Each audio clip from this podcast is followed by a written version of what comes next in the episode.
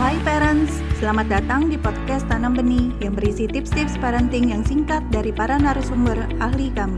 Untuk mendapatkan tips-tips terbaru kami, follow podcast Tanam Benih. Yuk kita dengarkan bersama. Riset mengatakan extrinsic motivation yang paling powerful yaitu jika kita memang harus menawarkan reward kepada anak agar meningkatkan motivasinya, maka reward yang kita tawarkan itu nggak harus dalam bentuk barang, mainan, atau fasilitas-fasilitas lainnya.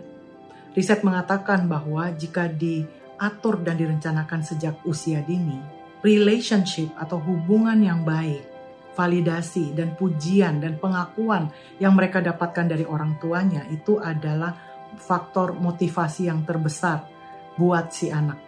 Jadi jika dia ingin mendapatkan itu, maka dia akan berusaha untuk memberikan usahanya yang terbaik.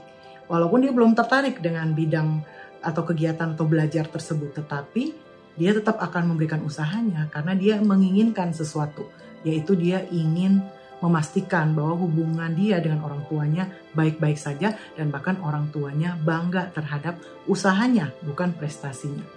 Oleh karena itu, parents menggunakan extrinsic motivation itu sah-sah saja.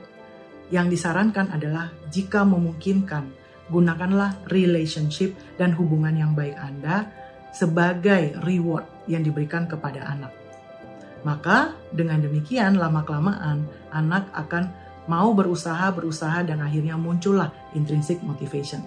Tidak di segala bidang studi belajarnya atau aktivitasnya anak muncul intrinsic motivationnya.